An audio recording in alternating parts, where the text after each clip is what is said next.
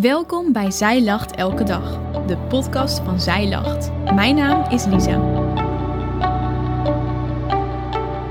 Dit is de overdenking van 27 juli door Suzanne Verschoor.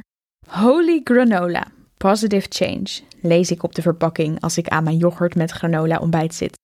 Ik heb voor deze wat te dure granola gekozen omdat er op die verpakking staat dat er geen suiker is toegevoegd. Gezond eten vind ik belangrijk, schrijf ik terwijl ik koffie met chocola nuttig. Iets met balans houden, toch? Deze heilige granola brengt me wel op een idee waarover ik kan schrijven. Want die heilige granola, die een positieve verandering teweeg zou brengen, doet me denken aan de Heilige Geest, die zeker weten een positieve verandering teweeg brengt. Jezus sprak tot de discipelen vlak voor zijn hemelvaart.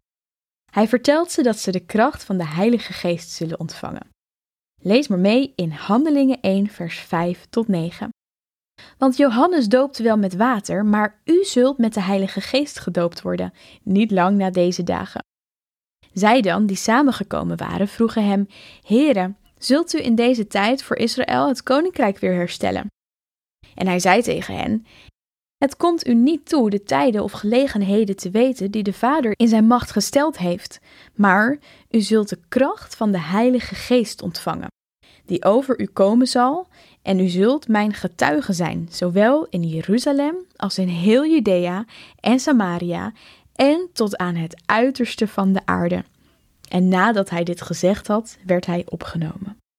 Tot aan Jezus hemelvaart waren de discipelen nog niet gedoopt met de Heilige Geest.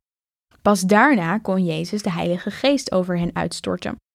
De Heilige Geest zorgt ervoor dat God heel dicht bij ons is. Hij kan op die manier in ons hart wonen. Als zoiets krachtigs, liefdevols en puurs in je hart komt wonen, dan kan het niet anders dan dat dit een positieve verandering teweeg brengt. In de MBV begint Handelingen 1 vers 8 iets anders. Daar staat: Maar wanneer de Heilige Geest over jullie komt, zullen jullie kracht ontvangen om mijn getuigen te zijn. Dus zodra de Heilige Geest over jou komt, in je komt wonen, zodra jij Hem verwelkomt, zul je kracht ontvangen om over God te getuigen. Dan vindt er een verandering plaats. Paulus schrijft in een van zijn brieven aan de gemeente in Efeze dat zij goed moeten leven. Dat er geen vuile taal uit hun mond mag komen, want dat bedroeft de Heilige Geest. In Efeze 4, vers 30 staat het: Maak Gods Heilige Geest niet bedroefd want Hij is het stempel waarmee u gemerkt bent voor de dag van de verlossing. Als gelovigen moeten we de Heilige Geest serieus nemen.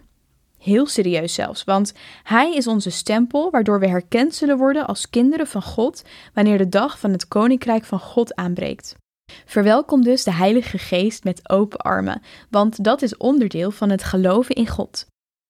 De Heilige Geest wil je helpen om goed te leven. Hoe ziet dat er dan uit? In vers 31 en 32 van Efeze 4 ligt Paulus het toe. Laat alle wrok en drift en boosheid varen, alle geschreeuw en gevloek en alle kwaadaardigheid. Wees goed voor elkaar en vol medeleven. Vergeef elkaar zoals God u in Christus vergeven heeft. Lukt dat even niet? Dank God dat we door het offer van Jezus om vergeving mogen vragen en met een schone lei het opnieuw mogen proberen. Elke dag weer.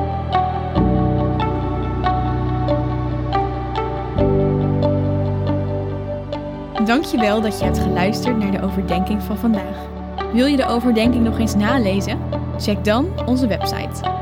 Je vindt daar ook nog meer toffe dingen die jou helpen om de Bijbel vaker te openen, zoals boeken, Bijbels, cursussen en evenementen. Morgen ben ik weer bij je terug met een nieuwe overdenking. Tot dan!